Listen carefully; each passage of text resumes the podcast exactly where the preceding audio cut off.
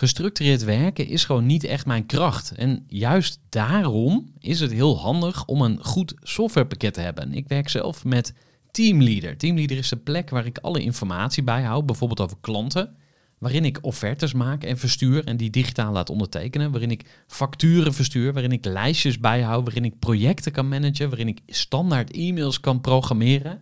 Kortom, ik gebruik Teamleader om alle werkprocessen van mijn bedrijf te stroomlijnen. En zeker ook als je met een team werkt, is het heel fijn om over dezelfde informatie te beschikken. Nou, als je ook benieuwd bent of er mogelijkheden zijn om jouw bedrijf meer te stroomlijnen, of je nu alleen werkt of met een team, ga even naar teamleader.nl slash groeivoer en je kunt dan vandaag nog een trial starten voor twee weken lang, gratis. En je kunt Teamleader volledig uitproberen. En na de proefperiode krijg je ook nog zo'n leuke korting als luisteraar van Groeivoer. Ga naar teamleader.nl slash groeivoer. Groeivoer. Groeivoer. Groeivoer. Zoek je inzicht, inspiratie voor je eigen bedrijf. Wil je elke dag iets leren? Luister dan naar Groeivoer. Mijn vrouw zegt altijd: Gerhard, luister je wel echt? En dan zeg ik natuurlijk ja. Maar als ik heel eerlijk ben, vind ik luisteren soms best wel moeilijk. Ik kan zo enthousiast zijn over iets dat ik niet meer hoor wat anderen er echt van vinden. Voor ondernemers is het waardevol om vaker de waarheid te horen. Om echt te luisteren naar feedback van klanten of teamleden. Of misschien wel een potentiële investeerder. En daarom is het slim om te werken aan je luistervaardigheden. Vandaag spreek ik met een ondernemer die alles weet van luisteren. En haar naam is Tige van Bommel. Tige is eigenaar van het gespreksbureau en ze doet interviews op het podium met vooraanstaande gasten. En daarnaast geeft ze trainingen. En ze heeft ook een training die heet Luisteren met je hart. Tige helpt mensen om te horen wat er onder de woorden gezegd wordt. Hoogste tijd om lekker te gaan luisteren, dus let goed op. Hier is Tige van Bommel. Dankjewel. Ja, van harte welkom bij de podcast. Dank je. Leuk om er te zijn. Voor de kennis en ideeën van een interessante gast. Die haar verhaal met jou wil delen. Luister je naar Groeivoer. Ja, en ehm, ja, je vertelde dat je nog nooit geïnterviewd bent, maar eigenlijk altijd eh, andere interviews. Ja, ik denk het wel, ja. Super trots dat ik die primeur eh, mag Ja, eh, meemaken. En eh, we beginnen, zoals de luisteraars eh, van mijn podcast ook gewend zijn, met jouw backstory. Wil je ons eens voorstellen aan de kleine Tige? Ik, ik moet denken aan een tiger van een jaar of acht of zo. Ik vind het best wel moeilijk, eerlijk gezegd. Want ik eh, kan me niet zo heel veel herinneren uit mijn jeugd. Dus tot mijn twaalfde weet ik niet zoveel. Maar er komt wel een soort beeld voor dat ik acht was en besloot, zeg maar, dat ik het op mijn eigen manier ging doen. Dat kan ik me wel een beetje, eh, zoiets, zo'n soort gedachte, niet letterlijk. Dat denk ik wel eens achteraf. Denk ik wel eens, volgens mij heb ik dat op mijn achtste bedacht. Zonder daar een hele actieve herinnering aan te hebben. Dus dat is nu het eerste wat eh, in me opkomt nu jij dat zo vraagt. Ja, maar was, er, was het dan een stil meisje of, een, of juist heel outgoing, eh, ondernemend meisje of juist niet? Wat zouden je broers of je zussen of je ouders daarover zeggen misschien? Ik weet niet, ik moet je toch teleurstellen, denk ik. Dat zou je, zou je echt aan hun kunnen moeten vragen. Ik denk, wat ik ging doen, zeg maar, maar dat was misschien nog meer in de studententijd, was gewoon... Mensen vinden, vonden, vind- vinden, vonden, vinden mij altijd heel extravert. Maar dat ben ik denk ik helemaal niet echt. Dus eh, ik denk dat ik eigenlijk heel verlegen was. Maar dat los ik op met extra, extraversie, is dat een woord? Ja, Ja, dus ik ging extravert doen, laten we het zo zeggen. Ja ze hebben eigenlijk toch een beetje een beeld. Ik had het over zelfonderzoek. Hè? Ja. Eh, Heb je een beetje een beeld van je eigen drijfveren? Waarom doe je wat je doet? Ja, nou kijk, ehm, ik denk ehm, wat bij mij het allerbelangrijkste is, is dat, jij zei het in de introductie al, dat mensen van elkaar horen wat er onder de woorden wordt gezegd. Omdat wij communiceren met elkaar met woorden, maar die woorden dekken niet, nou ja, volgens mij bijna nooit zelfs, maar eh, zeker niet altijd de lading van wat we werkelijk bedoelen. Als ik bijvoorbeeld al ga zeggen, ik ben creatief, dan ehm, ja, kan jij daarop verder praten gewoon, zeg maar. Maar eigenlijk weet jij waarschijnlijk niet wat ik dan met creatief bedoel. En uh, nou ja, zo gaat het maar door. We kennen het allemaal wel van een ruzie. In een ruzie roep je vaak dingen die je helemaal niet zo bedoelt. Dat, is, dat heb jij vast ook wel eens gehad. En, uh, maar het is eigenlijk in het hele dagelijks leven zo. We vinden het heel moeilijk om met onze emoties om te gaan. Dus uh, ja, als wij alleen, als alleen maar het bewustzijn er zou zijn dat de woorden van mensen niet altijd zijn waar ze voor staan, dan zou de wereld een beetje beter worden, denk ik. En dat moet je van jezelf je beseffen, dat het van je eigen woorden zo is, en van degene met wie je praat. Ja, dus en, en wat drijft jou dan precies? Nou, dat mensen elkaar beter horen. Kijk, ik heb het gevoel dat uh, uh, je hebt allemaal van die piramides met primaire behoeftes. Nou, daar hoort natuurlijk uh, eten bij en liefde ook. En, maar, en liefde, nou, is daar denk ik een onderdeel van, hoort ook bij dat iedereen gezien en gehoord wordt. En dat is, um, dat drijft mij daarbij. Ik, mensen willen wel gewoon gezien worden. Het is allemaal helemaal niet zo ernstig, maar mensen willen gewoon gezien worden. En ik kan dat via woord. Uh, mijn manier is via het woord. zijn ook mensen die maken verbinding of die zorgen dat ze iemand zien door ja, iets anders voor ze te doen. Misschien muziek voor ze te maken. Of misschien, je hebt ook mensen die zijn altijd heel handig met dingen voor iemand doen, bijvoorbeeld. Hè? Uh, mm -hmm. Iets praktisch. Ja, het is in, in een gesprek is het een soort van tussen jezelf, een soort balans tussen bij jezelf blijven en bij de ander zijn. En je moet en bij jezelf blijven en registreren wat er bij jou gebeurt tijdens het gesprek. En bij de ander zijn. Dus, want jij begon van, um, uh, in de intro zei je van uh, dat je eigenlijk nog wel beter zou willen, willen luisteren. Of dat je soms vindt dat je niet zo goed luistert of zo enthousiast wordt. En ik denk niet dat mensen niet kunnen luisteren, want ieder mens kan luisteren. Alleen zit er soms van alles in de weg. Dus er is gewoon van alles aan de hand in je hoofd, waardoor je allemaal dingen zelf gaat denken. En, uh, en vanuit jezelf denk ik. Ik hoorde laatst, die, die term kende ik niet, maar iemand zei dat is autobiografisch luisteren. Hmm. En je moet eigenlijk empathisch luisteren. Uh, nou, en, en dat, wat is dan precies het verschil? Nou, autobiografisch luisteren is dan dus inderdaad dat je vanuit jouw uh, gedachten denkt. Snap je? Vanuit je eigen verhaal. Ja, van, oh, dat heb je... ik ook gehad. Ja, of, ik denk dat jij dat net een beetje deed in het begin. Ja. Want jij nou, deed een paar uh, uh, dingen over hoe mijn, uh, mijn jeugd of... of en toen, dat, toen merkte ik, ja, als je bijvoorbeeld vraagt of of, was het dan zo of was het dan zo? Dan is het net alsof dan, dat ik een soort multiple choice krijg van dat je daaruit mag kiezen, zeg maar. Terwijl het was geen van beide. Maar dan um, waarom ik zeg autobiografisch, omdat het dan is het dus een gedachte vanuit jou die jou die vraag doet stellen. In plaats van dat het een gedachte is vanuit het antwoord van de ander. En uh, daar moet je de hele tijd mee in balans zijn. Ik heb geleerd van Brene Brown, empathie is geloven wat de ander zegt. Dus dat het antwoord van iemand echt een antwoord is. Dus dat je ook bijvoorbeeld niet tegen iemand kan zeggen ja, maar dat is geen antwoord op de vraag.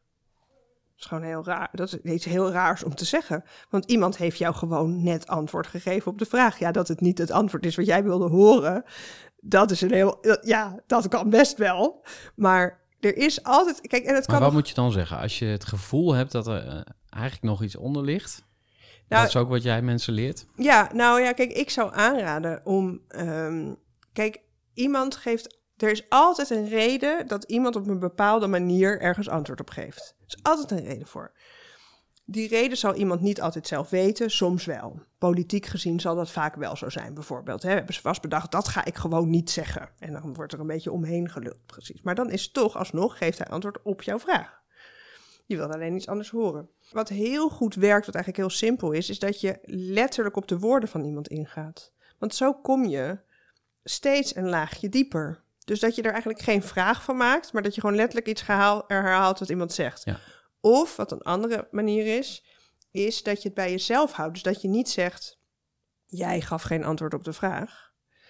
Maar dat je zegt, uh, ik merk dat ik nog niet helemaal bevredigd ben. Hè? Zoiets, dat kan je wel beter zeggen. Uh, dan nog zit je een beetje bij, ik wil eigenlijk iets horen. Dus als jij op de een manier kan laten zien aan de ander, ik sta open voor wat jij te vertellen hebt, dan zal iemand ook veel makkelijker de diepte ingaan, om het zo maar even te noemen, dan dat je hem eigenlijk aan gaat vallen. door te zeggen... Ja, want dan gaan de, precies, dan gaan de luiken meteen dicht. Van ja, Ja. hoor eens, ik bepaal Ja. zelf wel wat ik zeg. Ja. En eh, ja, Ja, Eh, vat ik het zo goed samen? ja, Even een ja, controlevraag. controlevraag, heel goed. Ja. Hey, en eh, je hebt hier werk van gemaakt. Daar wil ik straks eh, nog verder eh, op gaan inzoomen. Want we zijn nu eigenlijk al best wel diep het interviewvak ook ingedoken. Maar misschien nog heel even de prelude van voordat jij ondernemer werd. Ja. En wat is er misschien in vogelvlucht even gebeurd tussen dat punt toen je 12 was en toen je bent gaan ondernemen? Nou ja, ik ben eerst eh, ben ik gaan studeren. Ik heb eh, eh, culturele studies gestudeerd. Dat heet nu Algemene Cultuurwetenschappen. Toen ben ik ook de culturele sector ingegaan. Dus ik heb voor allerlei festivals gewerkt. Het Holland Festival, het ITVA, het Rotterdams Filmfestival. Ik heb gewerkt bij de stichting die de Boekenweek organiseerde, Stichting CPMB. En mijn laatste baan in de culturele sector was hoofdmarketing van het Cinekit Festival. Dat is een filmfestival voor kinderen. En daar ging ik wel eens presenteren. En dat vond ik gewoon ontzettend leuk om te doen. Zo leuk dat ik dacht, moet ik dit niet gewoon eh, doen als werk? En toen ben ik eerst vier dagen gaan werken in plaats van vijf... om eens te kijken of er überhaupt iemand in de wereld wel eens een presentator nodig had. Want dat wist ik eigenlijk niet zo goed. Of dat het altijd een BN'er moest zijn. Zo begon het eigenlijk. Dus ben ik eigenlijk met iedereen gaan praten die ik kende. En een paar daarvan zeiden van, nou hartstikke leuk, kom maar. En een paar anderen zeiden, nou als je het een paar keer hebt gedaan, kom maar. Maar goed, zo ging het balletje rollen, zeg maar. En toen heb ik het best wel lang gedaan in de culturele sector. Heb ik gepresenteerd. En presenteren werd ook dagvoorzitter. En werd ook gespreksleider en interviewer. Nou ja, zo ging dat balletje eigenlijk rollen. En dat heb ik jaren gedaan. Ik denk eh, wel tien jaar misschien. In, in loondienst? Of was Nee, nee, nee, toen was ik zelfstandig. al, Dus sinds eh, ja, 2009 oké. ben ik zelfstandig, ja. ja.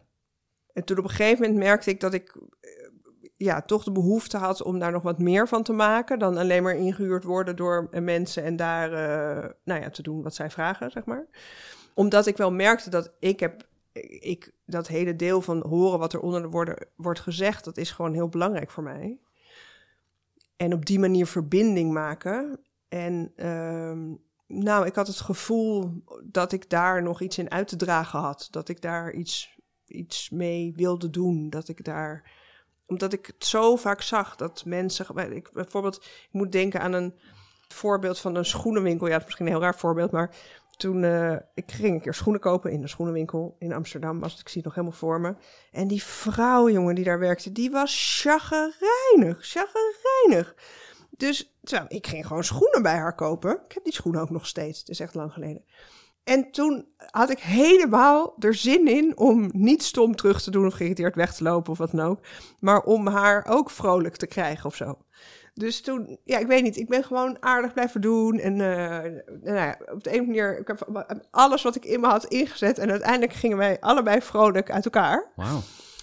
En ehm, dat is eigenlijk wat ik bedoel. Omdat je je dan realiseert dat die vrouw niet chagrijnig is. Omdat het dus niet een of ander kutwijf is die eh, jouw dag probeert te verzieken. Of die er toch geen zin in heeft. Of dat je van die dingen krijgt. Hoezo werkt ze daar als ze er geen zin heeft om klanten te... Weet je wel, zo, dat soort dingen. Ja, dus dan ga je al meteen weer mee in de negatieve energie. Ja, ja, maar om dus om je te beseffen, nou ja, er is waarschijnlijk iets. Ja, wat weet je niet, maar er is waarschijnlijk iets. Ik bedoel, die, ja, ze zal niet eh, voor de lol hier super chagrijnig staan te zijn. En eh, daar heb je verder niks mee te maken, maar dat je in ieder geval wel je beseft dat emoties van anderen er niet zijn om jou ehm, iets tegen jou te hebben, zeg maar. Mm. En ehm, nou ja, dat principe, het schoenwinkelprincipe, noem ik het nu even. Wauw, goede boektitel. Ja, goede boektitel, ja. Leuk, ja. Maar die, ehm, nou ja, dat, ehm, dat geef ik graag mensen mee. Ja, en als je dat nog eens zou moeten samenvatten, wat is dan precies het schoenwinkelprincipe? Dat je er bewust van bent dat, eigenlijk, dat je er bewust van bent dat mensen emoties hebben. En dat we dat moeilijk vinden om die te verwoorden. Maar ehm, dat jij zelf ook zo iemand bent. Dat eigenlijk. Zelf heb jij ook dat soort dagen. Heb je ook emoties.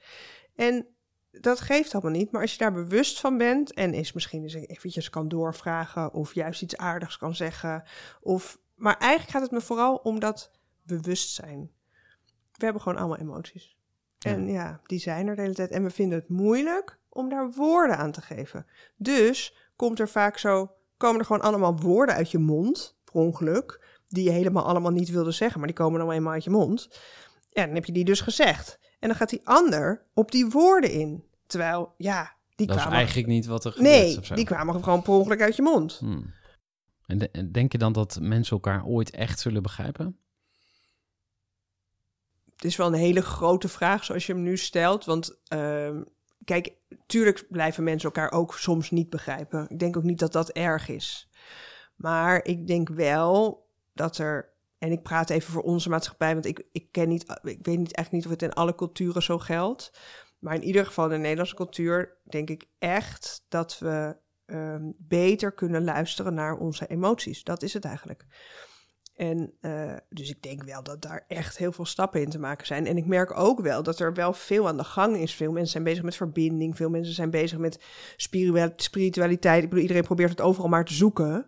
Maar iedereen is wel op zoek naar die verbinding. Dus ik denk wel dat we er beter in kunnen worden, ja. Ja, want je had het over verbinding met jezelf. Ja, Dat dat eigenlijk de basis is, dat je daar ook altijd begint als je met mensen werkt. Klopt dat?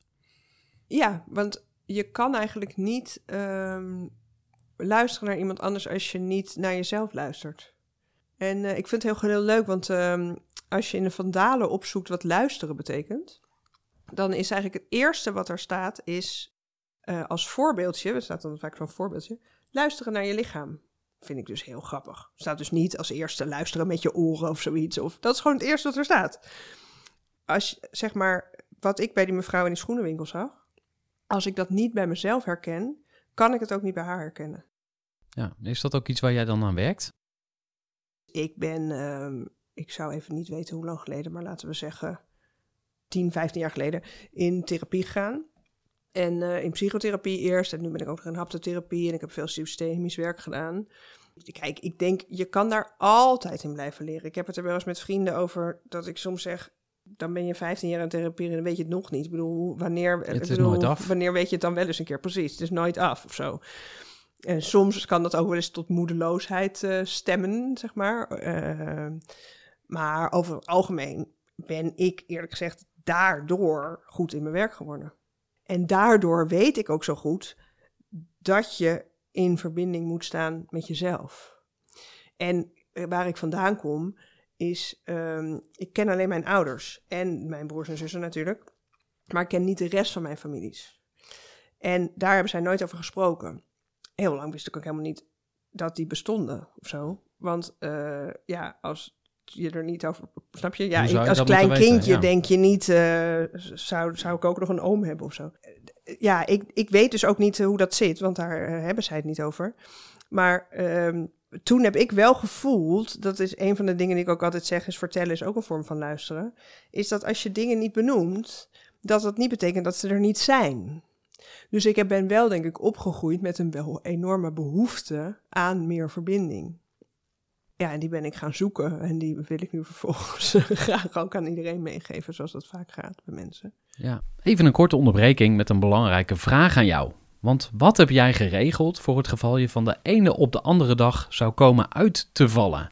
Wat gebeurt er dan met je bedrijf, maar vooral wat gebeurt er met jou persoonlijk en ook in financieel opzicht?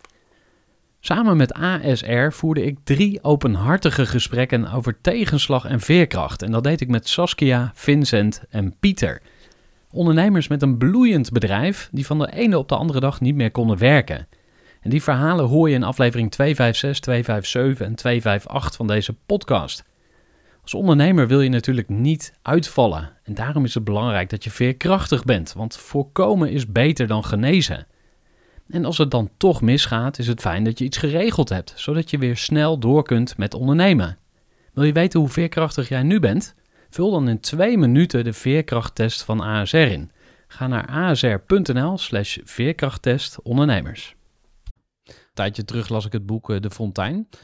Misschien wel bekend, eh, gaat ook over familiesystemen. En voor mij persoonlijk was dat iets waar, eh, waar ik mee bezig ben, eh, omdat het dit jaar 25 jaar geleden is dat mijn moeder is overleden. Nou, ik kwam eigenlijk bij toeval of niet, maar in ieder geval bij die podcast uit met eh, Els van Stijn. En die vertelde over familiesystemen. Dat was mijn eerste kennismaking daarmee. Hè? Dus ik hoor dat jij er al veel langer mee bezig bent met systemisch werken. Ja. Maar ik dacht van, dat is interessant. Want ik ben eigenlijk altijd heel hard aan het werk als ondernemer. Ja. Maar waarom doe ik dat? En toen ging ik nadenken van, oh, misschien komt het omdat mijn moeder is overleden. Heb ik iets, eh, probeer ik iets te, te verhullen of te uh, gat op te vullen. Of, uh, dus ik heb een soort van verhalen voor mezelf die ik aan het onderzoeken ben van, oké, wat, wat voor invloed heeft mijn positie in het gezin? Wat voor invloed heeft het overlijden van mijn moeder? En, en, en waar staat, wie staat waar, zeg maar, in het systeem? En het grappige is, ik heb daar nu antwoorden op. Dus ik heb Oh, mijn moeder, die staat rechts van me. En mijn vader staat links van me. En uh, ik heb ook mensen om me heen gepositioneerd. En ik, ik sprak laatst met Edwin Soleil. Die, Ja. uh, Van de hypnose, toch? ja, precies. En die tipte mij over het sociaal panorama. Er schijnt een gast te zijn die daar uh, een soort theorie over heeft. En die zegt van je moet eigenlijk voor je kijken en, en wie staat waar. En dan zie je dat sommige mensen op de verkeerde plek staan. Of er helemaal niet staan. Of veel te dicht bij je staan. En dat vond ik heel fascinerend. Ook omdat, en dat is de link naar ondernemerschap, ik daar ook andere mensen weer uh, op kan bevragen. Ja. Ik vroeg laatst aan een ondernemer van, uh, nou vertel eens, uh, teken het, jouw gezin. Dat was een, een, een, um, een ondernemer. En die tekende iedereen behalve zichzelf. En Ja. toen dacht ik echt van, wat gebeurt hier? Dus eh, dat zei ik Ja. ook tegen hem, van, en waar sta jij dan? Ja. En eh, nou ja, mijn interpretatie, en dat is natuurlijk altijd tricky, maar ik dacht van, hé, maar je, je, je hebt jezelf totaal... eh, je ziet jezelf niet, of je hebt jezelf Ja. altijd onzichtbaar gemaakt. Er was ook een scheiding in, in, het, eh, in het geding, zeg maar. Dus nou, heel veel woorden, maar ehm, eh, ik wilde iets delen over mijn eigen Ja. reis daarin. Ja. En mijn vraag aan jou is, hoe, hoe, hoe kan ik meer in verbinding komen met mezelf? Dus je had het al over luisteren naar je lichaam. Is, is dat Ja. het? Of zijn er nog meer nou, dingen? kijk, Of- ik, bijvoorbeeld met zoiets, hè, het is wel een aardig voorbeeld, vind ik. Want ehm, waar je volgens mij altijd, je moet je altijd bewust zijn van je, dus dat je jezelf meeneemt. Dus bijvoorbeeld als jij met zo'n eh, ondernemer zo'n tekening gaat maken, hè, wat denk ik hartstikke goed is om te doen. En jij ziet dat, dat hij, was dan hij, zei je volgens mij, dat hij eh, zichzelf niet tekent. Oké, dan is het dus, daar kan je inderdaad van alles van denken. En je zegt er ook bij, het is mijn interpretatie. En wat volgens mij ontzettend belangrijk is, is dat je eh, dus dat ook vanuit jezelf vertelt aan iemand. Dat je dus bijvoorbeeld zegt, "I- het valt mij echt op dat jij er niet bij staat. Ik zou bijna denken, eh, vind je jezelf niet belangrijk, zoiets. Maar zodra je gaat zeggen, eh, dat zou kunnen betekenen dat je jezelf niet belangrijk vindt. dat is heel dat- tricky. Ja, dat is echt tricky daaraan. Omdat je hebt, met, zeker met die systemische dingen, tuurlijk lijken dingen op elkaar. En tuurlijk is er vast een reden waarom eh, jij iets bepaalds bent gaan doen nadat jouw moeder 25 jaar is- geleden is overleden. Of nu misschien dingen doet. Tuurlijk is dat zo. En het, het zal ook vast misschien best wel lijken op iemand wie- wiens moeder ook 25 jaar geleden is overleden. Maar het is niet hetzelfde. Mm. En als je dat gaat invullen voor iemand anders. En dat doen we de hele dag, hè? Dat is dus wat mijn, mijn eh, de- iemand van wie ik laatst een workshop volgde, autobiografisch luisteren noemde. Dat doe je omdat je vanuit jezelf denkt. En dat is ook belangrijk, want daardoor zie je bij elkaar, we herkennen elkaar en we, hè, we, linken ergens en we, we delen misschien een emotie of een gevoel. Dus dat is ook fijn.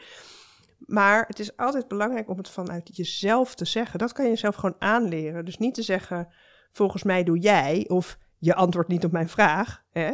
Maar ik, ja, je moet gewoon een zin met ik beginnen. Vroeger mochten we een, eh, brief niet met ik beginnen, Oh ja. toch? Eh, lieve mama, ik wil. Nee, dan moest je, dat doe ik nog, heb ik nog steeds Ja, grappig genoeg. Vind ik echt moeilijk om dan als eerste ik te schrijven. Maar eigenlijk zou je met eh, ik moeten beginnen, ja. Ja, interessant. En ehm, heb jij ook iets kleins of iets eh, wat je regelmatig doet om, om eh, meer verbinding te hebben met jezelf? Want jij, het is jouw werk om, om te verbinden met mensen. Je Ja. zegt van, ik moet eh, eigenlijk eh, het begin met verbinding met jezelf. Ja. En het is ook nooit af. Dus eh, Nee. zijn er terugkerende dingen die je dan zou kunnen doen? Ja, nou kijk, wa- wat voor mij het allerbeste heeft geholpen is die therapie waar ik in ben gegaan en nog steeds in ben, omdat ik dus eh, daardoor dat voortdurend blijf checken. Dat is denk ik, en dat heb ik zelfs wel eens met mijn eigen opleiding die ik geef. Eh, want mijn opleiding tot verbindend gespreksleider duurt acht dagen. Maar dan leer je dus acht dagen iemand iets. En we gaan daarin best wel diep. En we gaan ook zorgen dat iemand een verbinding maakt met zichzelf. En dat gaan we dan toepassen op het gesprekken leiden. En in die gesprekken gaan we systemische opstellingen doen. Hè. Dat is ook heel leuk. Van hoe zit je nou in een gesprek?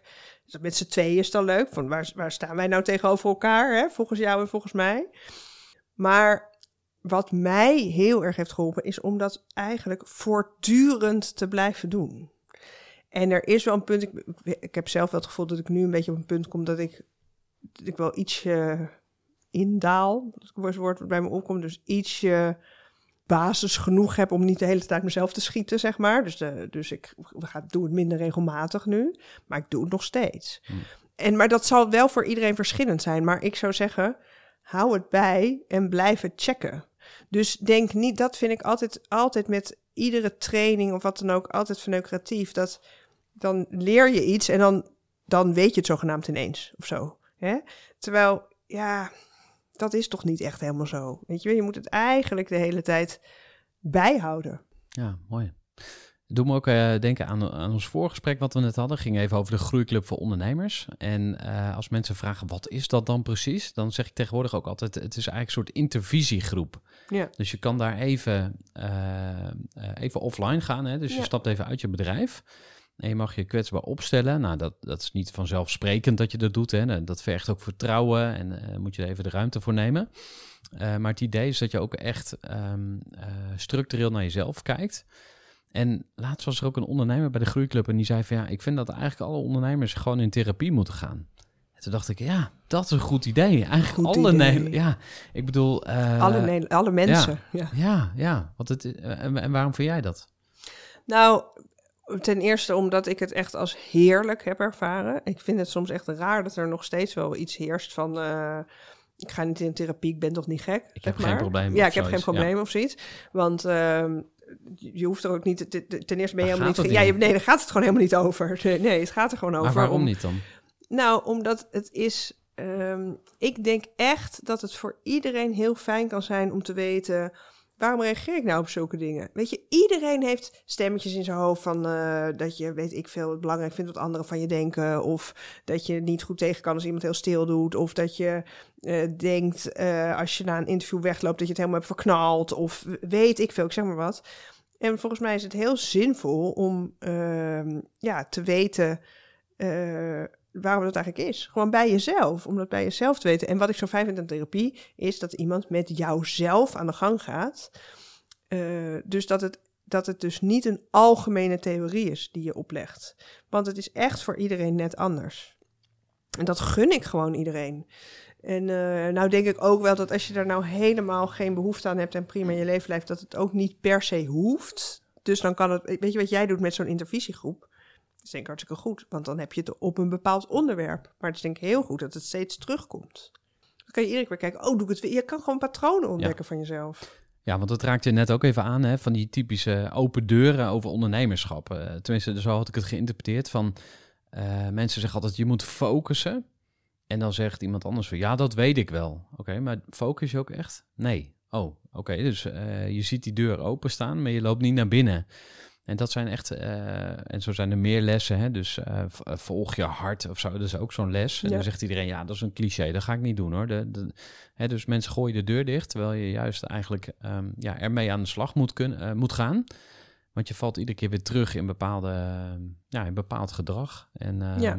Eh, dus het heeft onderhoud nodig. Ja. Ehm, ik, ik wil graag even gaan naar eh, eh, een beetje wat meer toegepaste kennis op het ondernemersgebied. Hè, dus jij weet alles van, van luisteren en horen wat er niet gezegd wordt of wat er onder de woorden gezegd wordt. Maar wat, wat zou ik daar nou mee kunnen in de sales bijvoorbeeld? Wil je dat eens toelichten of uitleggen? Nou ja, ook daar is het denk ik. Kijk, ik denk dat het in ieder gesprek geldt. Als jij een gesprek met iemand hebt waarbij jij de leiding neemt, dat is bijvoorbeeld in een salesgesprek heb jij de leiding, dus dat is eigenlijk een interview. Of dit is ook een interview, Eh, maar ook een klantgesprek bijvoorbeeld is een interview.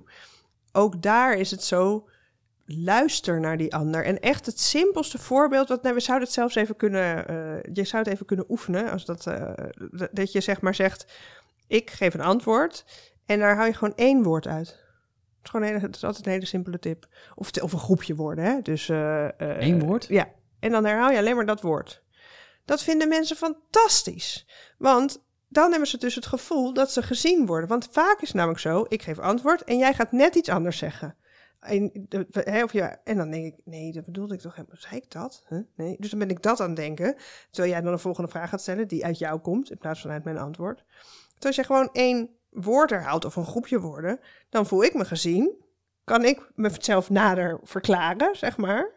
Ja, dat vind ik altijd een hele simpele tip. En moet je niet tot in de treuren doen, want dan wordt het heel Dan wordt ongemakkelijk. het- van. Ja, Maar, eh, precies. ja. Hey, en, eh, misschien dan even naar eh, een klantgesprek wat je zelf gevoerd hebt de afgelopen maanden of zo. Hoe, hoe pak jij het zelf aan? klantgesprekken. Ja, ik vind het wel grappig dat je nou net die eruit pikt, want dat is interessant. Kijk, met een interview, in interviews zeg ik altijd, ik ga toch even op interviews toepassen, is ehm, je moet vragen wat je echt wil weten. En mensen denken vaak dat ze dat al, eh, dat ze dat doen, maar je moet dus vragen wat je echt wil weten. En dat zijn vaak dingetjes eronder of dingetjes ernaast, die, eh, waarvan je eigenlijk denkt, waarvan je bijvoorbeeld denkt, oh, dat vraag ik anders later wel eventjes, of dat vraag ik straks wel, of dat had ik al moeten weten, of dat soort dingen kunnen het zijn. Of, ik had laatst een voorbeeld in een interviewtraining, bijvoorbeeld iemand wilde gewoon graag weten waarom iemand moeder was geworden. Maar, dus dan denk je, nou, ik weet wat ik wil weten, ik wil weten waarom die echt moeder is geworden. Maar wat belangrijker is eigenlijk dat je bij jezelf geraden gaat, waarom wil ik dat nou zo graag weten? Wat zit daarachter bij mij? Wat vind ik daar nou zo belangrijk aan? En als je dan weet bij jezelf waar dat vandaan komt, eh, bijvoorbeeld ehm, je bent zelf geen moeder geworden, of je wilde het zelf zo graag, maar denkt nu nog wel eens waarom eigenlijk, of hè, wat dan ook, wat erachter zit, dan weet je veel beter waar, jou, waar komt jouw vraag, wat vraag je nou eigenlijk? Want het is weer hetzelfde, er komen woorden uit, die woorden zijn in dit geval waarom ben jij moeder geworden, maar dat is niet exact wat je wil vragen. Terwijl als jij leert te vragen wat je echt wil weten, kan iemand ook veel beter antwoord geven. Want dan geef je Ja. namelijk antwoord op de vraag waar jij graag antwoord op wil. Dus in het kader van wat we al eerder zeiden, je geeft ook geen antwoord. Waarschijnlijk heb je de vraag dan helemaal niet goed gesteld. Hmm. En eh, jij vraagt het specifiek op klantgesprekken. Nou, dat vind ik heel interessant, want ik vind dus salesgesprekken best wel moeilijk. Dat is iets wat ik moeilijk vind. Omdat ik het moeilijk vind om iets aan iemand te verkopen. Dat vind ik altijd, dat, daar, heb, daar is dus iets mee bij mij. Ik vind het dan moeilijk, dan voel ik me te veel of zo of opdringerig. Dan denk ik, ga ik jou nou voor mijn opleiding verkopen? Ja, dat moet je zelf weten. Dus ik schiet dan altijd twee kanten op. Of ik schiet naar een soort het helemaal niet verkopen, maar gewoon zeggen, nou, ja, eh, zie maar. Of zo, weet je, zoiets. Kijk maar even een keer. Kijk maar even een keer.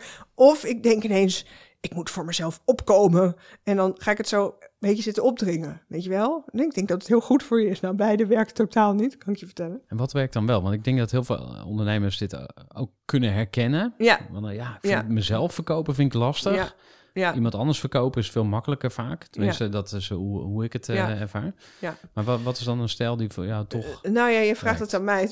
Ik heel graag wil dat iemand dat aan mij uitlegt. Jij bijvoorbeeld, jij bent ondernemerscoach. Maar ehm, als ik vanuit mijn expertise kijk, is het wat ik steeds veel fijner vind, is dat je, eh, dat je, dat je ook daarin dus gaat kijken van wat wil je nou echt eigenlijk. En dat ik bijvoorbeeld eerlijk zou zeggen, daar hou ik altijd heel erg van, benoem het zoals het is. Dat ik eerlijk zou, zou zeggen, sorry, ik raak gewoon helemaal een beetje in de war, want ik wil gewoon heel graag dat die opleiding volkomt. Dus daardoor praat ik nu even niet helemaal eerlijk met je. Als ik Hmm. zoiets heb gezegd, dan is het uit de lucht. Dan heb je dus benoemd wat er in de lucht hangt. En dan kan ik daarna gewoon verder praten. Dus als ik eigenlijk gewoon eerlijk zeg, hè, eerlijk zijn, eh, dat helpt mij. Want dat vind ik wel een lastige. Dat was ook het woord wat, bij mij opkwam. Van ja, dan moet je dus eerlijk zijn. Stel nou, je zit bij een klant. En je, ja, je vraagt wat je echt wil weten. Namelijk, is er budget? Ja, Ja, hoeveel budget is er? Zo, Ja. Zoveel. Oh, eh, ja, waarom wil ik dat eigenlijk weten? Ja, ik heb geen zin om voor Jan Doedel eh, heel hard te Ja. rennen. Want ik heb geld nodig. En dan Ja. ga je natuurlijk niet tegen die klant zeggen van... ja, ik zit echt een beetje krap deze maand. nee. Dus waar- ja, Nee. waar zit Nee, dan de grens kijk, van eerlijkheid? Ja, maar je zou eigenlijk dus verder moeten gaan bij jezelf. Je zou verder. Dus ik ben ook altijd heel erg van een goede voorbereiding. Dus je moet bij jezelf goed bedenken: oké, hoe zit het? Ik heb geld nodig. Oké, eh, heeft dat eigenlijk wel te maken met deze klant? Nee, dat heeft niet te maken met deze klant dat ik geld nodig heb. Dat heeft er eigenlijk helemaal niks mee te maken zelfs. Kan je dus buiten het gesprek laten. Dat is Dat heeft van er jou niet mee te maken. Dat is van jou. Heeft, hoeft die klant ook helemaal niet te weten. Je kan wel denken: oké, deze klant vraagt mij iets. Ik wil hem daar iets voor geven. Welk tarief vind ik daar geschikt voor? Punt. Los van, en dat moet je weten los te koppelen van jou, ik heb geld nodig. Want dat heeft er niks mee te maken. Wat je wel zou kunnen doen, mijn inziens, dat zal, ja, je vraagt het aan mij alsof ik zakelijk, eh, daar, daar moet ik nog veel in leren. Maar wat ik zou doen is, ehm, stel je voor, ik kom er toch, het liefste zou ik het gewoon doen dat ik dat los kan koppelen van elkaar. Dus ik bedenk gewoon, zo'n klus doe ik voor zoveel en anders gewoon niet. Ja, sorry, anders gewoon niet. Uh, dan, dan kan je dat ook goed zeggen. Als dat niet lukt, als ik toch zou merken van nou, ik zit toch een beetje dwingend hier te doen. Ik zit toch de hele tijd te hopen dat ze die 2000 zeggen die ik wilde of zo. Oh, nou zeggen ze 1500, zal ik dan toch ja zeggen, weet je wel zo. Dan zou ik dat toch benoemen zou ik, dan zou ik zeggen, ik zeg bijvoorbeeld in dat soort gevallen, zeg ik nou, ik, ik, ik vind dit altijd lastige situaties. Ik heb dan van, met mezelf van tevoren een afspraak gemaakt, maar nu denk ik, ja, 1500 euro is ook geld, moet ik het dan daar niet voor doen? Dus ik wil er even over nadenken, want ik heb altijd even tijd nodig. Dus dan ben je toch eerlijk. Ja. En dan kan je daar later op terugkomen. Ja, interessant. Wat uh, ook bij mij opkomt is dus inderdaad hulp zoeken van mensen die verstand hebben van bijvoorbeeld pricing. Ja. Dus wat voor prijskaartje plak je ergens op? Of uh, hulp zoeken van iemand die heel goed is in positionering. Dus hoe zet je jezelf in de markt? Nou, je struikelt over de uh, business coaches die zeggen van ik help jou met een high level. Uh, hè, je wordt de beste in je markt en high pricing, whatever daar knap ik dan weer een klein beetje op af. Dus wat, ja, ik ga nu even niet in op wat dat over mij zegt. maar, uh, maar dat is dus goed, hè? Want als je dat zegt, heb je dus heb je dat benoemd en kunnen we door. Precies. Ja. Oké. Okay. On the spot uh, leren. Ja. Hou ik van. Um, en of, of dus de hulp zoeken van een soort agent. Want dat zie je ook bij, bij veel creatievelingen. We gaan volgend jaar ook een maandmeeting uh, bij de Groeiclub wijden aan het onderwerp geld verdienen als creative. Ja, een van de voorbeelden is Arie Boomsma, die ga ik ook interviewen. Die heeft, die is super creatief, eh, dichter, weet ik veel. Hij heeft, allemaal, hij heeft echt zo'n enorme creatiedrang en toch een succesvol bedrijf. Dus dat, dat is, dat is een, een, deel van de oplossing. Uh, en ik denk dus dat je zelf gewoon de basis moet beheersen. Ja. Dus dat je snapt hoe werkt een onderhandeling. En wat ben ik waard? En uh, nou ja, dan kan je ook weer gaan graven van ja, wat voel ik nou eigenlijk? Voel ik me ook echt zoveel waard? Ja. Uh, zelfs als je relatie met geld niet zo heel vurig en ja, passievol is, je zult er toch wel mee moeten.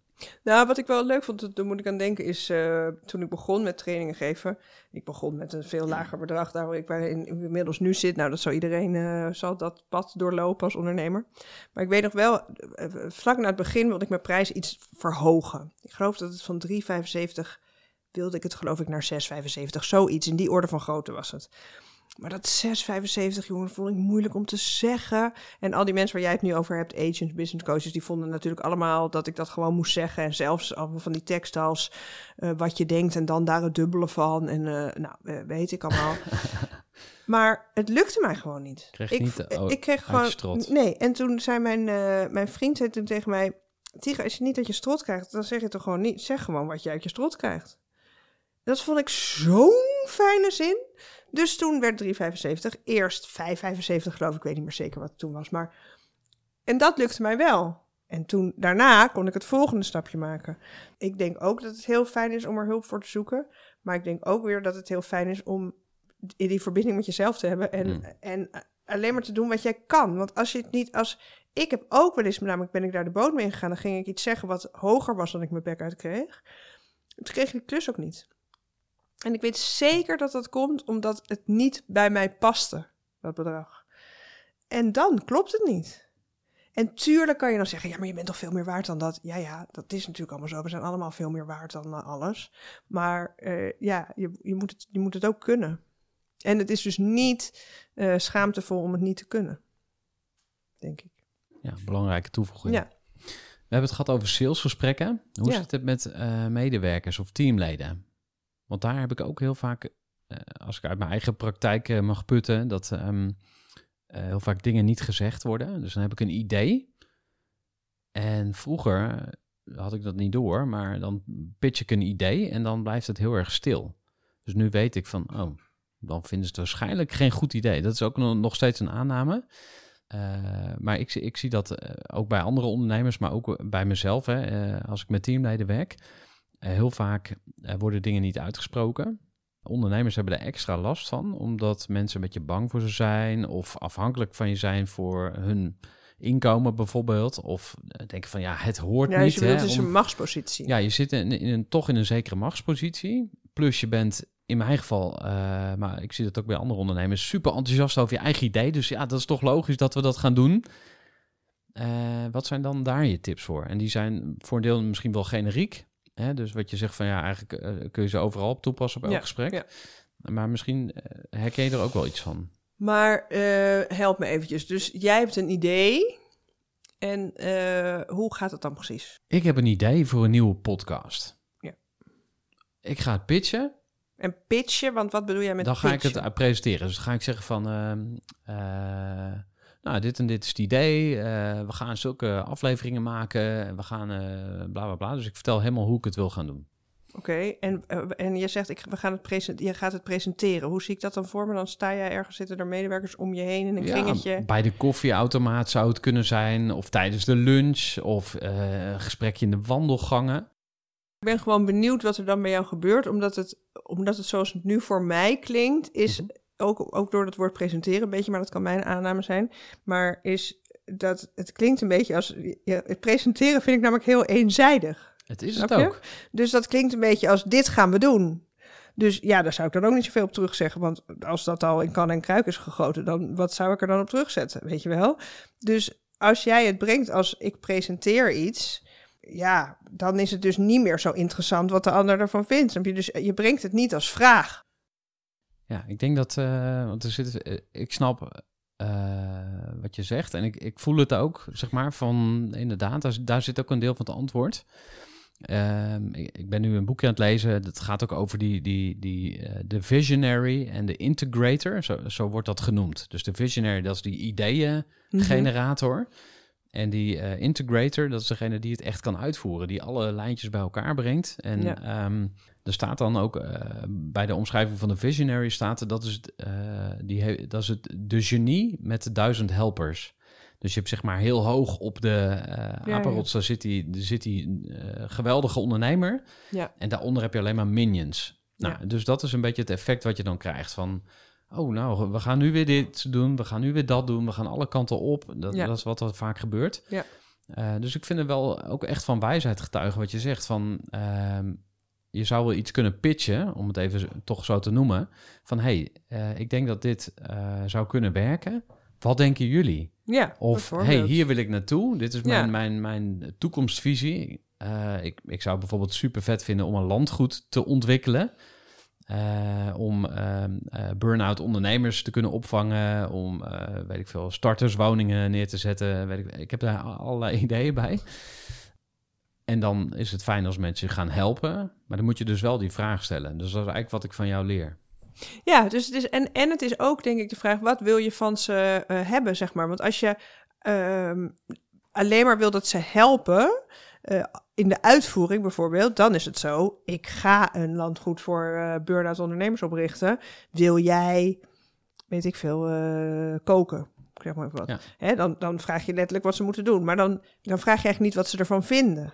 Dus wat denken jullie is een fijne vraag. Want dan vraag je ze namelijk iets. En dan mogen zij ook zeggen wat ze denken. Ik kan zelf wel eens hebben, maar ik weet dat het hoeft voor jou helemaal niet te gelden. Maar ik kan ook wel eens een idee hebben. En dan vind ik dat zelf zo'n goed idee. En dan of iemand reageert daar dus inderdaad niet zo enthousiast over. Of iemand heeft ook al een beetje dat idee. En dan kan ik me soms een beetje verbolgen of zoiets voelen. Zo van, niet per se afgewezen of zo, maar wel een beetje zo van... Nou, dat, was mijn idee, zo een beetje, weet je wel, zoiets. En dan kan ik dus niet meer goed verder praten of zo, omdat zoiets gebeurt. Terwijl als je er al ingaat met, eh, wat denken jullie er eigenlijk over? Is, is dit wat? Of eh, hoe zien jullie dat? Of eh, heb je er een reactie op? Of, Ja. wat dan ook. Ja, en dan haal je ook veel meer uit je team. Op, op 4 augustus hebben we het bij de Groeiclub bijvoorbeeld over zelforganisatie. En ik had er gisteren een belafspraak met iemand over die, eh, die komt spreken. En die zei, ja, het wordt heel vaak eh, verkeerd begrepen. Want eh, denken mensen van, ja, we gaan bezuinigen. Dus we gaan zelfsturende teams bouwen. Dan hoeven we minder managers, kunnen we kosten snijden. En ehm, ik zei van, nou, je kan gewoon alles gaan delegeren, dan kan je lekker op vakantie. Maar hij zei, nee, het gaat om meer uit je team halen. Dus als je inderdaad het genie wil zijn met de duizend helpers, die Ja. gewoon doen wat jij zegt. Ja, dat is niet, dat Ja. is ook een strategie, eh, bewust of onbewust. Maar je kan veel beter zeggen van, hey, eh, laat mensen echt shinen. Maar dan moet die grote boom, die moet soms omgehakt worden. Ja. Of die moet, Ja. ik, weet, ik weet niet hoe jij ernaar kijkt. maar- Nou ja, andere mensen kunnen ook iets, zeg maar. Dus ik herken het wel een beetje, want ik kan ook... Ik, ik werk ook, ik heb zelf een het gespreksbureau, maar ik geef ook trainingen voor een ander bureau. En ehm, eh, d- dat is de Vertelschool Rotterdam en die is van Sandra de Haan. En zij is extreem goed, zeg ik ook altijd tegen haar, in haar team vertrouwen. Zij heeft dus een team van trainers om zich heen. En ik denk altijd, wat vertrouw je ons toch? En dat heb ik echt van haar geleerd. Dus wij mogen gewoon haar training geven op onze eigen manier. Zou ik dus best wel moeilijk vinden. Dus toen ik een team ging maken met het gespreksbureau, dat duurde echt een tijdje voordat ik dat kon maken. Omdat ik toch een beetje die visionair op die berg eh, zat te zijn. Die eh, heel erg het gevoel had dat hoe ik dat nu aan mensen uitleg, dat interview en gespreksleider, zo moet het. Dat is natuurlijk helemaal niet waar. Ehm, dus alsof iemand, als iemand het anders doet, alsof die dan iets van je afneemt. Dat gevoel kan ik dan eens hebben. Dat het, iemand het afneemt. Van ja, dan ga je het zo zitten doen. En dan is het zeker ook goed, terwijl het zo moet of zo. En ja, hoe meer ik leer, dus eh, juist om te vertrouwen dat die anderen er niet zijn om iets van jou af te nemen, maar om aanvullend te zijn. Ja, dat vind ik dus best wel spannend, want ik ben, dat is niet helemaal meteen mijn natuur.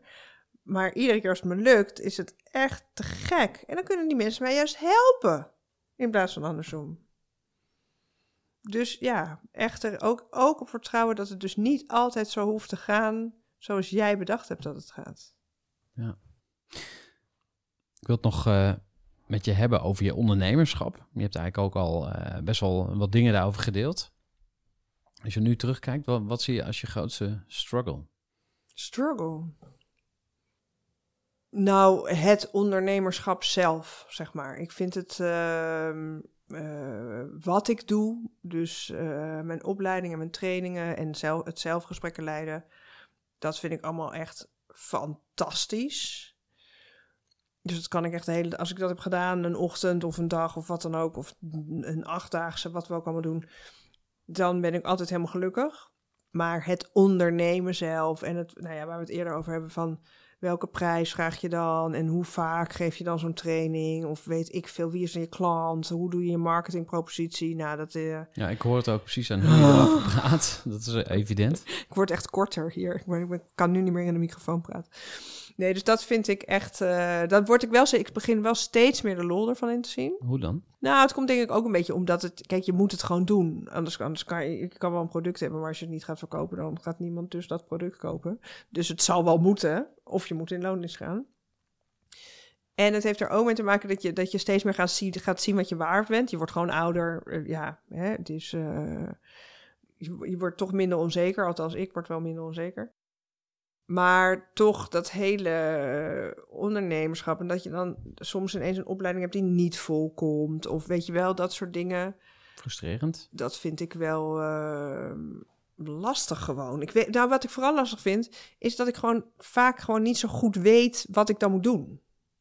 En dan komen dus weer allemaal van die business coaches en eh, weet ik veel wie je allemaal hebt die allemaal gaan vertellen hoe het moet. Nou, dat heb ik wel eens eh, iets mee gedaan. Nou, dat vond ik eigenlijk nooit. Ja, dat past dan, helemaal niet. Maar we gingen ze zeggen, zo moet het. Dan dacht ik echt zo, huh? Nou, niet bij mij of zo. Werkt het helemaal niet. Dus dat vind ik eh, ook lastig daaraan. Van naar wie luister je dan? Nou, blijkt dus naar jezelf te zijn. Dat leer ik mensen al jaren, maar om het zelf te doen. Interessant. ja. Dus eigenlijk je grootste struggle, ja, het is best wel breed ook. Ja. En eh, ik hoor je zeggen, het is best wel zwaar. Dat zijn mijn woorden, maar ehm, eh, zo ervaar ik het in ieder geval. Dat ik denk van, wow, het is ook echt... Ja, je moet wel van goede huizen komen als ondernemer. Je moet wel tien of twintig dingen kunnen of beheersen of er in ieder geval aan denken. Ja. Ehm, en ehm, ja, bij wie kun je dan terecht, hè? Dus eh, waar, Ja. waar, waar kun jij terecht? Bij mijn haptotherapeut. Ik ga jarenlang naar een haptotherapeut. En dat Wat is dat even voor... Ja, haptotherapeut is officieel, ik hoop dat ik het goed zeg, maar hapto betekent gevoel. In het Grieks, denk ik. Eh, dus je hebt ook haptonomie en zij is dan haptotherapeut. Ehm, maar de, en het betekent eigenlijk dat zij dus. ehm, ik heb ook zo ontzettend veel aan haar, van haar geleerd. Als ik ooit, een, ik denk altijd als ik een, ooit een boek schrijf, dan draag ik het aan haar op. Want eigenlijk heeft zij dat boek geschreven. Ik schrijf gewoon op wat zij mij heeft verteld. Ehm, ehm, maar wat wil ik zeggen? Oh ja, haptotherapeut is dus, dus eigenlijk luister je naar het gevoel van. Dus zij kan echt als geen ander eh, horen wat ik zeg. En wat er zo ontzettend leuk aan is, is zij kent mij gewoon heel goed. Dus zij weet ook wanneer ik ga vliegen, zeg maar, wanneer ik wegvlieg. Dus wanneer ik. Je hebt van die, van die business coaches, die gaan altijd, die gaan zo op dat geld. Die, ja, en dan heb je je eerste ton. En dan weet je wel, die gaan heel erg daarop zitten en op die omzet zitten. En dan word je groot en fantastisch. En, oh, en dan krijg je natuurlijk een soort. Oh ja, dat wil ik ook. Wat, wat leuk, weet je wel. En dan kan zij mij weer terugkrijgen van... nee, dat wil je helemaal niet. Daar gaat het helemaal niet om. In ieder geval merk ik, eh, laat ik het zo zeggen... dat als ik ga luisteren naar mensen die zeggen... dat ik een ton moet omzetten en dan vijf ton en dan een miljoen... en weet ik het allemaal... Dan, ga, dan kom ik in iets terecht. Ik kan alleen voor mezelf zeggen, dan kom ik iets in terecht wat niet bij mij past, waar ik super gehaast van word, gespannen van word, omdat ik allemaal dingen moet halen, moet doen, dat ik op een manier moet werken die zo moet, moet, moet, moet, moet. En die dan ook nog eens erbij zeggen dat als ik dat allemaal niet doe, dat ik dan mezelf minder waard maak dan ik ben. Nou, dat legt natuurlijk een enorme druk. Want dan eh, heb ik dus geen ton omzet en dan ben ik niet iets waard. Nou, ik raak daar in ieder geval in een eh, niet prettig gevoel van. Dus bij mij werkt het veel beter om bij mezelf te blijven en te doen wat ik graag wil doen. En daar wel voor te zorgen, en daar ben ik mee bezig, om eh, daar wel genoeg omzet mee te draaien natuurlijk. Want je hoeft jezelf, zoals jij net zei, niet kleiner te maken dan je denkt. Dus eh, ik vraag nu niet meer 375 euro voor een tweedaagse training, zeg maar. Ik heb een eh, fles champagne voor je. Hij staat hier achter me. Dat is heel leuk. Dan wordt je aangeboden door eh, onze sponsor. En dat is Jacqueline van Didon. Dat is Nou een ja, Franse uitspraak. Leuk. En ehm, de vraag die ik daarbij wil stellen aan jou. Ja, wat- hoe ziet succes er voor jou uit? wat leuk. Ik krijg champagne, mensen. Het is echt superleuk. Ik hou namelijk ook heel erg van champagne. Nou, dankjewel. Heel erg leuk. Hoe ziet succes voor mij uit? Nou, ik denk, ehm, weet, je, weet je wat succes voor mij is? Eh, dat ik weet dat het eh, goed gaat met mijn onderneming en dat het, dat iets anders is dan perfect. Mooi. Maakt niet uit wat ik ervan vind. Dat is jouw definitie van Ja. succes. Ja. Ehm, eh, als je terugkijkt op je leven tot nu toe, wat is dan de grootste les die je aan mij en aan de luisteraars zou willen meegeven? Mogen er ook meerdere zijn? Ma- Maak verbinding met jezelf, luister naar jezelf. En ook, ehm, maar ook tegelijkertijd, want wat het een beetje met zich kan meebrengen als je de hele verbinding met jezelf maakt, is dat je ook alleen nog maar naar jezelf gaat kijken. Snap je? Dus dat het heel erg eh navelstaren wordt. Dus het is wat ik mensen in de, de- in de gespreksleiding altijd leer, is het is de voortdurende balans tussen bij jezelf zijn en bij de ander zijn. En misschien daarbij, maak het niet, allemaal niet te, te belangrijk. Mooi. Tige, dankjewel. Graag gedaan. Ja, binnenkort is er weer een fysieke bijeenkomst van de Groeiclub voor Ondernemers. Op 2 juni 2022 gaan we het met elkaar hebben over opvallende marketing. Hoe kun je als organisatie, als ondernemer meer gaan opvallen? En ja, waarom zou je dat nou eigenlijk willen? Nou, heel simpel. Stel je wil je team uitbreiden, maar je kunt niet aan de juiste mensen komen. Nou, dan moet je natuurlijk opvallen als werkgever. Maar bijvoorbeeld ook als je meer klanten wil, of meer van betere klanten, dan zul je moeten gaan nadenken over hoe jij opvalt. En heel veel ondernemers denken dat ze gezien worden, maar heel vaak word je eigenlijk als een soort grijze muis ongezien. Nou, op 2 juni gaan we daar een eind aan maken. Aartjan van Erkel die komt vertellen wat jij als ondernemer kunt doen om op te vallen. Zelfs als je eh, marketingmedewerker in dienst hebt of een eh, partij hebt ingehuurd die jouw marketing doet, je zult als ondernemer zelf een visie daarop moeten hebben. En daarnaast ga ik twee ondernemers interviewen die opvallend bedrijf hebben en die daar echt uitspringen in hun eigen markt. Nou, we gaan natuurlijk ook intervisie met elkaar doen, waarbij je bij een andere ondernemer in de keuken mag kijken. En die ondernemer mag ook bij jou in de keuken kijken. We gaan hot seats doen. Kortom, we hebben een super waardevol event gecreëerd voor jou. Als je interesse hebt om deel te nemen, stuur dan even een berichtje info@groeivoer.nl of stuur mij persoonlijk een berichtje op LinkedIn.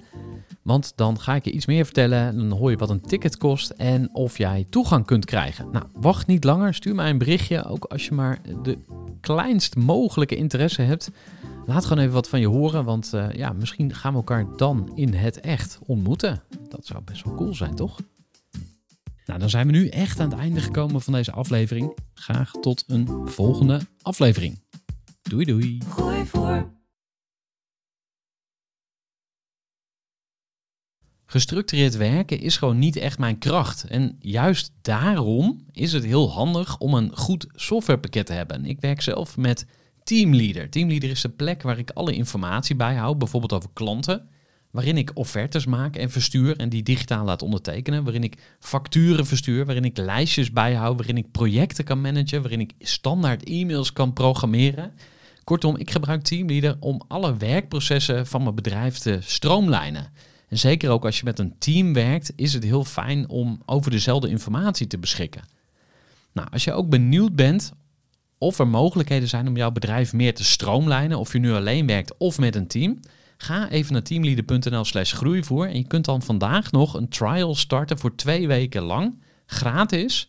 En je kunt Teamleader volledig uitproberen. En na de proefperiode krijg je ook nog zo'n leuke korting als luisteraar van Groeivoer. Ga naar teamleader.nl slash groeivoer.